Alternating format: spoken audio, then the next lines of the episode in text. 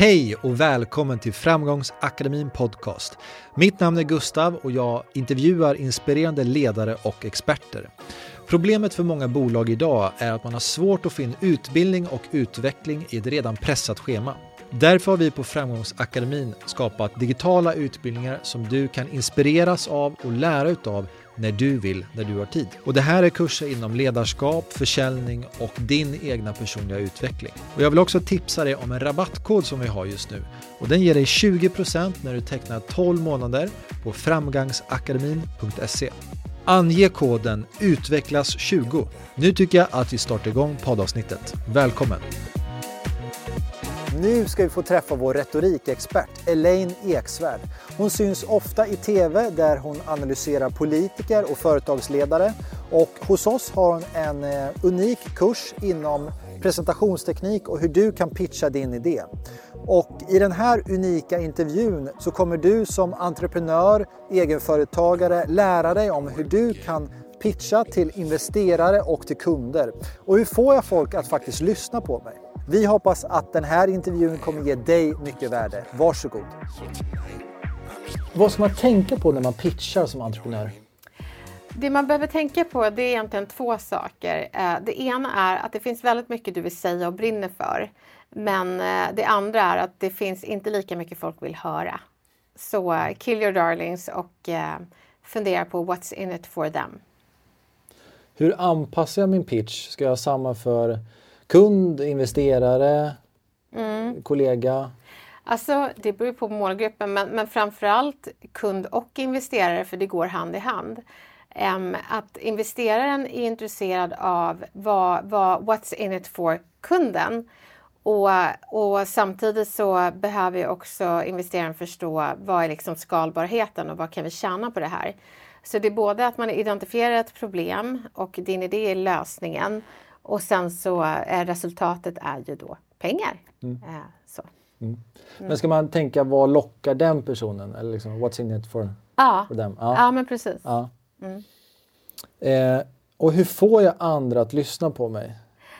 Um, genom att, alltså så här, första, de första 30 sekunderna, eh, och det här säger jag mycket i Framgångsakademin, så tänker man väldigt mycket på hur du ser ut. Och för att dra fokus från ditt utseende till eh, temat så ska man gärna ha en, eh, man kan börja med en retorisk fråga som skapar hög igenkänning. Som till exempel, har du någonsin känt att du hellre tackar nej om det innebär att stå inför folk och tala? Och om folk bara, ah, så har jag känt. Bra! Då behöver du lära dig eh, presentationsteknik till exempel. Så att eh, en igenkänningsfaktor i en eh, fråga som är formulerad som ett problem Um, och sen så också blir då resterande, det du ska prata om, um, lösningen. Och då har man ju gjort det som hela retoriken handlar om, konsten att få folk att vilja lyssna. Hur viktigt är det med liksom personligheten? För jag tror många får den här lite draknästet-känslan att man ska vara superhård och liksom ha alla siffror. Så. Var, var drar man balansgång? Personlighet, professionell? Um, jag skulle säga 50-50. För jag menar, jag kan gilla din, din idé, men jag kan tycka du är en osympatisk person. Så eh, jag tror om vi drar det till vardagen och det finns många som förlåter en restaurang som har hårdkokt spaghetti men personalen är så jäkla trevlig så jag tuggar i med det. Samtidigt som man kan gå till en liksom lyxrestaurang och så känner man att servitören tycker att du, du ska vara glad att du är här. Då smakar inte maten lika gott. Så att man kan aldrig underskatta det psykologiska eller eh, beteendevetenskapen kring att om vi inte tycker om en person så kommer vi inte tycka om personens budskap eller idé. Så var inte en professionell robot som håller på med så corporate bullshit-termer. Vad är det? Professionell robot? Ja, men det är corporate bullshit. Mm. Um, ja, men de som säger så här. Um, I'm the, system, uh, I'm the system, system manager of the internet cloud of anus. Och man blir så här, va? Okej, okay, jag hör att du är en big deal, men jag fattar inte vad du jobbar med. Och det är så konstigt hur många det är som använder de här um, yrkestitlarna som är så jädra långa, men man fattar inte vad du jobbar med. Så då är det bättre att du använder definition först, titel sen, det vill säga vad innebär ditt jobb i praktiken och vad är titeln? Jag har hand om eh, det här bolagets nyckelkunder, de största kunderna. Jag är Key Account Manager. Det är det viktiga. Men om du känner att min titel innebär eh, fem olika saker, min titel står på fem ben. Ja, det må vara hänt, men jag är bara intresserad av ett ben, mm. det som är relevant för mig. Så berätta inte allt. Det är samma sak med företagspitcher eller företagspresentationer. Vi har funnits sedan uh, 76. Ja, det är, det är liksom din historik. Mm. Men, men vad är det i år som gör att du är relevant för mig? Så, så kör ingen historielektion eh, eller skryt-CV av LinkedIn. Utan lyft bara fram det som är relevant och får de som lyssnar att nicka. Många pratar om storytelling. Ah? Är det samma sak då som att gå tillbaka till 1976? Och, eller är det en... Det beror på din story. eh, men storytelling, det är egentligen ett det är ett vedertaget ord, men det är ett dåligt ord för då tror man att man ska säga att det var en gång, Gustav. Mm. Alltså det, det, det, är inte en sagostund utan det är bättre att kalla det för erfarenhetstelling. Det vill säga att man drar berättelser man har varit med om eller någon annan har varit med om och knyter det till sina punchlines som en pitch gärna ska ha. Um, som till exempel om jag berättar för dig om det här med, med uh, corporate bullshit och man använder svåra ord, då kan jag bara erfarenhetställa genom att säga att eh, jag träffade Hans Rosling för väldigt många år sedan när han var i livet och han är professor i global hälsa, var professor i global hälsa och pratar statistik. Och det sjuka är att jag förstår inte så mycket siffror och sånt där, men jag fattade allt han sa. Och då sa jag det till Hans, Hans man fattar allt vad du säger. Och han sa det, ja akademikerna tycker att jag sänker min vokabulär men jag tycker att jag höjer mig till förståelse. Du förstår ju man ska inte göra sig smart med akademiska, man ska göra sig förstådd med svenska. Vet du varför? Nej, jo det är smart. Använd inte corporate bullshit. För det är inte smart, det är dumt. Mm. Så här har jag liksom inte sagt det var en gång utan jag använder en erfarenhet för att stärka min poäng. Det är storytelling. Mm. Jag tänker när man gör sin pitch då, liksom sådär. Ja. Vissa, vi pratar om att vara professionell, personlig. Snacka spontant eller snacka planerat? Snacka planerat för att kunna skapa utrymme för att snacka spontant. Så att du ska gärna ha eh, poänger som du vill eh, ge. Men eh, saken är den, man måste också ha, eh, läsa av rummet och reaktionen och märka oh shit, här gapar de, lutar sig framåt och ser intresserade ut. Jag djupdyker lite mer här. Eh, om man tänker till exempel, för att gå tillbaka i tiden, Martin Luther Kings tal var planerat. Hans talskrivare hade skrivit ett tal till honom. Men publiken var så jävla uttråkade. Och så var det Mahalia Jackson som bara ah, Tell us about the dream Martin. Hon hade hört honom predika. Mm. Och då blir han, blir så här, tittar man på Youtube så ser man att han ser lite nollställd ut och sen så bara I have a dream. Så tack vare att han hade planerat så kunde han vara spontan och eh, säga saker som skrev historia. Nu säger inte jag att den som pitchar kommer skriva historia, men du kanske kommer skriva ett kontrakt som leder till en stor affär. Och då behöver du skapa utrymme för spontanitet. För vi avskyr de här som är så spontana, bara, jag har inte förberett när jag satt där. Jag är en skön grabb. Jag bara, ja, nej då. Men fan, powerpoint funkar inte. Man ska börja freestyla om man tänker. Mm. så att eh, det, det där ska man verkligen undvika. Ja. Härskartekniker då, hur ska man? De jag gjorde nu? Ja. eh, härskartekniker det är ju oftast drakar, investerare som ställer tuffa frågor. Men det man ska göra är ju att eh, förstå att de oftast vill testa dig eller ha bra frågor. Och alla frågor är inte frågor utan de ska bara provocera dig. Mm. Så eh, det, det jag tycker man ska göra är att berömma alla frågor. Jättebra fråga. Jag har inte svar på det. Det står inte inom ramen för eh, min idé. Eller säga, du är inte så gammal. Då kan man säga, ja ah, nej det, det har rätt i. Eh, men jag är bara lite nyfiken. Vad, vad, tänker du, hur har det med min affärsidé att göra? Mm. För min ålder är inte riktigt med i det de kommer köpa, tack och lov. Eh, så att man är beredd på att vissa frågor är bara för att testa om du har skinn på näsan. Och då ska det visa att du inte har skinn på näsan utan pansar. Mm. Mic drop. Yes. eh, Powerpoint som snuttefilt. Ah. Berätta. Har du sett det här ofta? Alltså det är ju det Många gör ju presentationsteknik synonymt med Powerpoint. Men Powerpoint är ju ett hjälpmedel för att visa någonting som man inte kan säga. Medan folk använder det som ett manus och det blir som en sån här ja, men melodilös karaokeuppvisning. Hej! Eh, och det är ju sjukt tråkigt. Ja. Så eh, man kan... Jag jobbar på, ja just det. Ja, eh, Volvo. Nej, och Saab. Eh, alltså det, det var en gammal powerpoint. Så att jag, jag, tänker bara att man ska inte använda det som manus. Och det finns en jätte, ett jättebra sätt att powerpoint-banta. Och det är att titta på varje slide och fråga dig själv, är det för mig eller är det för publiken? Är det för dig, skriv ut skiten för vi andra vill inte se den. Är det för publiken, då kommer du känna så här, kolla det här. Mm. Då blir det mer en show. Och det är det det ska vara, slagkraftig pitch och presentationsteknik. Inte... Så man kan ha en powerpoint? Ja, ja, ja, ja. Men du ska inte titta på den, du ska titta på publiken. Det är jätteviktigt. Mm. Har du några säljtips? Jag tänker som entreprenör, man kanske precis startat igång. Ja. Man vill bara ha in ordrar. Ja. Vad, eh, vad ska man göra och inte göra? Det är roligt att du frågar för på vägen hit blev jag uppringd av en telefonförsäljare.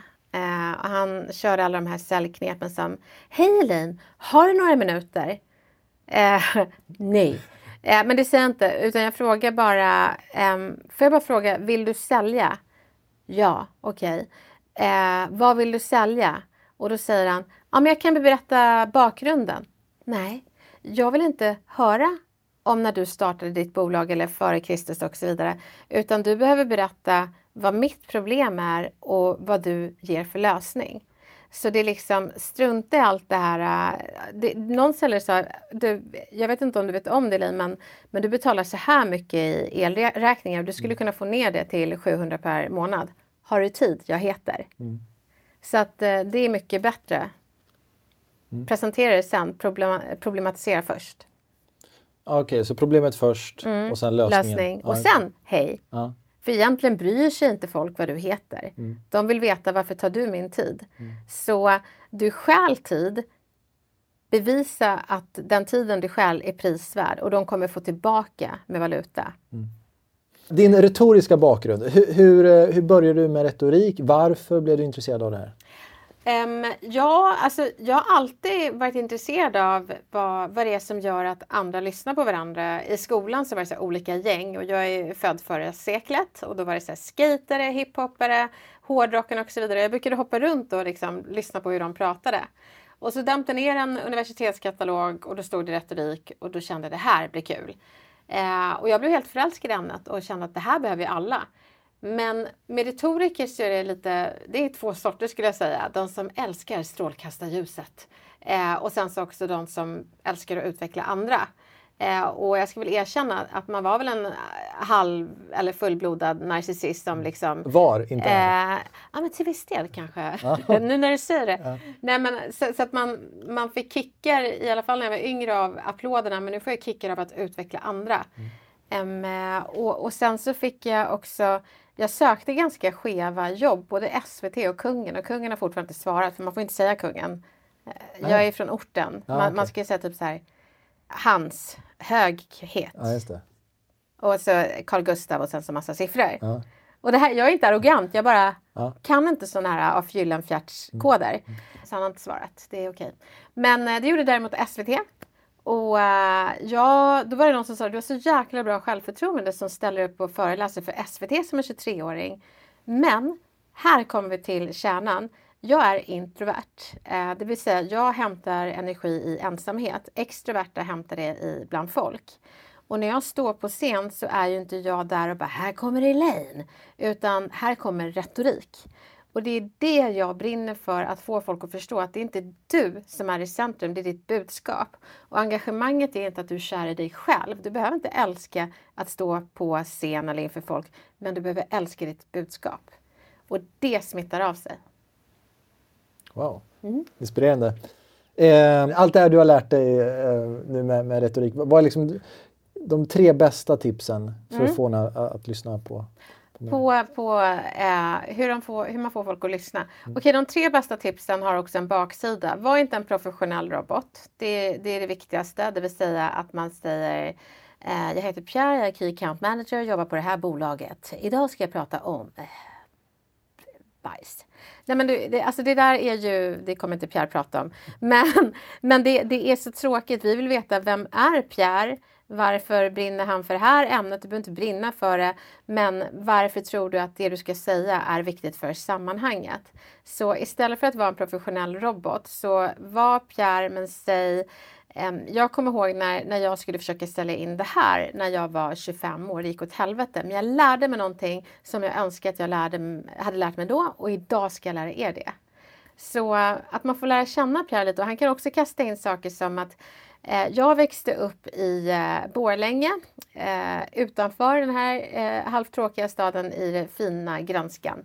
Och där växte jag upp med en storebror som var asjobbig och då kom alla bara “jag är också en asjobbig eh, storebrorsa”. Så att man liksom kuppar in små detaljer om sig själv utan att det tar över. Så varje personlig berättelse ska ha en professionell bro till det som är relevant. För är det tvärtom, eh, där Pierre Berg heter Pierre och kan kanske inte tro det, men jag är oxe. Det är mitt, det är mitt stjärntecken. Och då undrar man Pierre varför berättar du det här? Och han säger för att det var kul. eh, för dig ja Pierre. Eh, men det här är liksom någon sorts, eh, jag vet inte, masturbering i eh, ego. Ja. Gör det när inte vi andra är med. Ja. Så att eh, den är farlig. Fokusera på mottagaren på något sätt. Vad vill Ja, höra? precis. Ja, men vad, ha en balans. Du sa, frågan var ju ja. hur balanserar man liksom professionell och personlig? Så jag säger kombinera dem, men se till att det personliga är relevant för ämnet. Um, en annan sak är viktigt att man använder strategisk klädsel. Skulle jag fråga eh, era tittare idag vad tror ni att jag röstar på så skulle sannolikheten vara stor att de säger Miljöpartiet eller någonstans åt det röda blocket bara för att jag har en grön tröja på mig. Samma tröja som, inte exakt samma tröja som Fredrik Reinfeldt gav till mig efter han förlorade valet. Nej men han, han hade i alla fall en grön eh, ylletröja när Moderaterna skulle lansera miljöpolitik. Så, Aha, äh, ja, okay. och jag pratade det var strategiskt. Med, ja, och jag pratade med Per Schlingman som då var deras strateg. Och då sa jag, var det du som drog på Reinfeldt ylletröjan? Och han, han var så här, ja. eh, och då sa jag, men är inte det lite uppenbart? Och han säger, jo, det är uppenbart. Eh, och folk ser vad vi gör, men det funkar ändå. Ja. Så man behöver fundera eller känna till att innan du pratar så pratar dina kläder. Så vad vill du säga? Och ha aldrig på dig någonting nytt utan man ska klä sig snyggt och trovärdigt. Och då är folk så här, men vad är det? Är det liksom en, är det en sån här tröja? Nej, det är vad du tycker är snyggt och trovärdigt. För det kommer påverka dig. Det kommer påverka dig som säljare när du ringer över telefon. För man kommer höra att Ja, en bra dag. Mm. istället för någon som, ja men precis, istället för någon som, som sitter med de här tajta eh, brallorna som, som ger dig andnöd. Hallå! Mm. Alltså det blir så här, du, ja. Är du skitnödig eller liksom ska du sälja? Ja. Um, så, så det är någonting djupt i någonting så ytligt som kläder. Och sen så det tredje och sista är dispositionen när du pratar, det är att du behöver börja och sluta starkt. Vi, bör, vi pratar väldigt ofta om första intryck och det är viktigt. Men sista avtryck, det är det som ger eftersmaken till hela budskapet. Så att man avslutar starkt istället för eh, jahopp, eh, ja men då är det slut.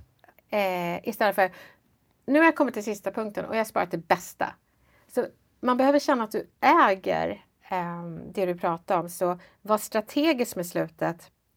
Det var en säljchef jag pratade med. Han, han var ju helt förtvivlad med det här första intryck och sista avtryck. Och han sa det, ja, så det är slutet som ger själva avtrycket. Ja, säger han, då fattar jag att våra, våra kunder tycker vi är dyra. Vet du vad det står på vår sista powerpoint-slide? Jag bara, nej.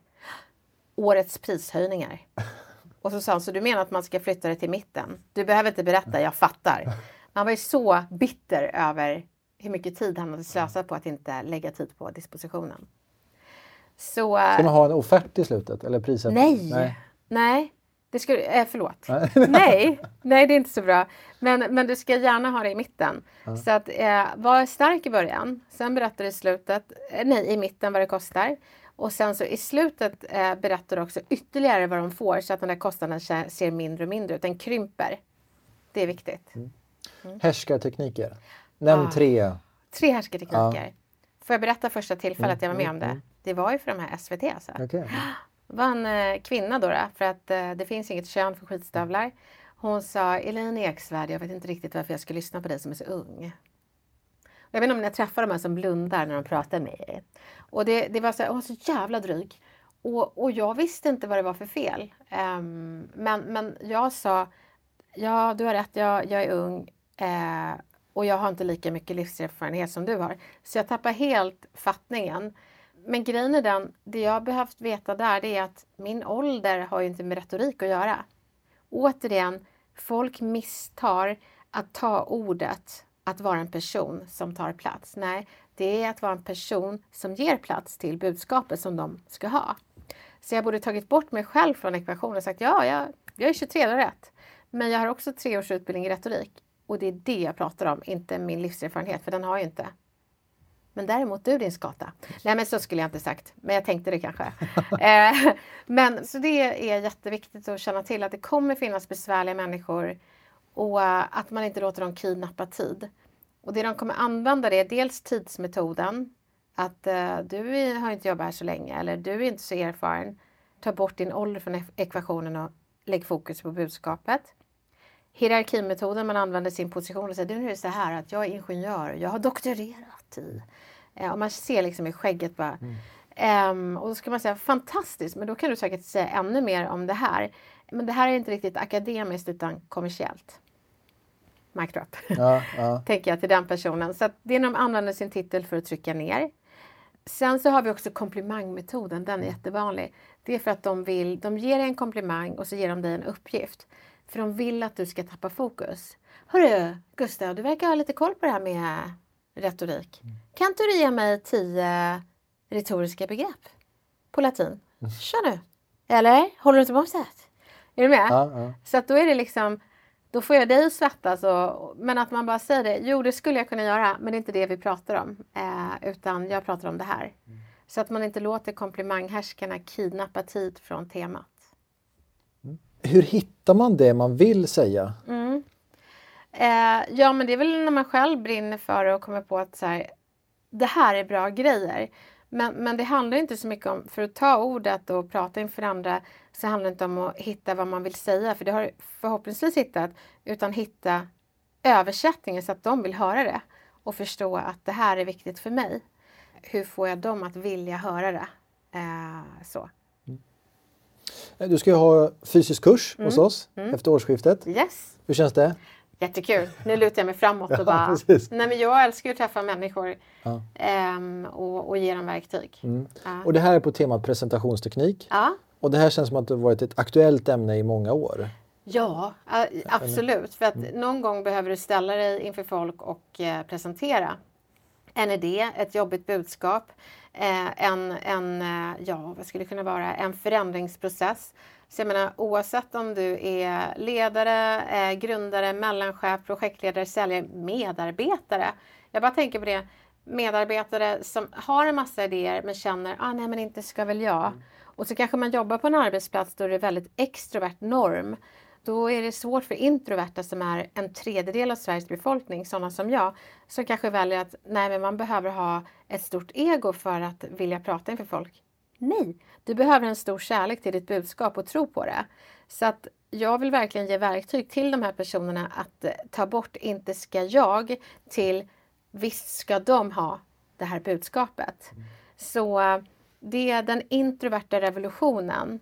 Och extroverta, ni, ni har ju redan viljan. Er ska vi liksom bara slipa så att ni inte berättar irrelevanta saker för att det är kul. utan för att det, det ska vara relevant. Um, så det är konkreta verktyg som man kan använda direkt. Eh, du kommer märka en, en stor förändring och eh, du kommer inte ha det här tunnelseendet när du kommer in i ett konferensrum, mötesrum och bara vad är tekniken? Utan du kommer se så många fler möjligheter. Du kommer kunna göra som Hans Rosling och använda publiken. Du kommer kunna ha övningar du kommer tycka att teknik är lite så här, det behöver inte vara ett huvudnummer utan din sidekick. Syntspelaren på David Letterman eh, istället för att det bara spelar synt en hel show. Ja. Eh, och nu spelar folk synt en hel show och det låter dåligt mm. för att det är powerpoint maraton. Och, uh, kroppsspråk också. Ja, kroppsspråk, röstläge, mm. hur du ökar din trovärdighet, hur du kan karaktärisera möten du har haft med andra människor och hur du kan få en timme att kännas som tio minuter. Mm. Så uh, det här vill man inte vara utan. Nej. Nej. Om du skulle ge någon sneak peek, om vi tar det här med tuffa samtal. Ah. Du ska se upp en medarbetare. Mm. Vill du ge ett tips? Jag kan ge ett verktyg. Mm. Inte Och, mer? Inte mer. Och då kan jag kuppa in fyra tips. Eh, men ett verktyg är de fyra F'n. Förståelse, förlåt, eh, förklaring och förslag. Så förståelse, det är att, eh, att man visar liksom, jag förstår att du tycker det här är väldigt jobbigt. Sen kanske man inte säger förlåt, men man säger, och jag är ledsen att den här situationen har uppstått. Och förklaringen kan vara att eh, dina fantastiska egenskaper matchar inte riktigt våra behov och det vi signade upp på. Men mitt förslag är att du hittar en arbetsplats som, som har det behovet och jag är säker på att det finns massor som saknar eh, det du har men som vi inte riktigt är i behov av. Mm. Så istället för att säga du håller inte måttet så kan man säga du har fantastiska kvaliteter men det passar inte riktigt det vi behöver. Jag kan faktiskt berätta att jag blev sparkad så på en, en gång. Okay. Berätta. Ja, jag jobbade på Konsum, det hette så då, Coop. Ja. Jag var faktiskt värdelös. Ja. Det ska, jag pratade för mycket med kunderna. Eh, så han satte mig i kylen och då skulle jag liksom, det var kyligt bokstavligen. Och då skulle jag fronta mjölk och yoghurtvaror. Fan vad tråkigt det var. Så var det någon kund som drog bort en yoghurt. Ja, du, ja, du stod bakom? Ja, jag stod bakom ja, och frontade. Ja. Jag kan de där orden vet du. Och så tog en kund en yoghurt och jag bara hej! Och då skrämde jag vettet ur den där. Och det var en stammis som tyckte om mig men tyckte kanske att jag inte skulle jobba där. Och så säger min chef då, då han säger det, Elin du har fantastiska kvaliteter, du är social, verbal, social. Vi har inte behov av de kvaliteterna så jag kommer låta dig gå. Och jag var så här, tack! Eller? Så att jag kände att fan, jag är bra och det var tråkigt att få sparken men jag är bra. Istället för att du kan inte fronta. Så lyft kvaliteterna men få oss att förstå att de inte matchar dina behov. Mm. Tack. Tack. Stort tack för att du valde att lägga din tid på att lyssna på det här poddavsnittet. Och jag vill tipsa dig om att du fortfarande har 20% rabatt på framgangsakademin.se. Ha en fortsatt härlig dag.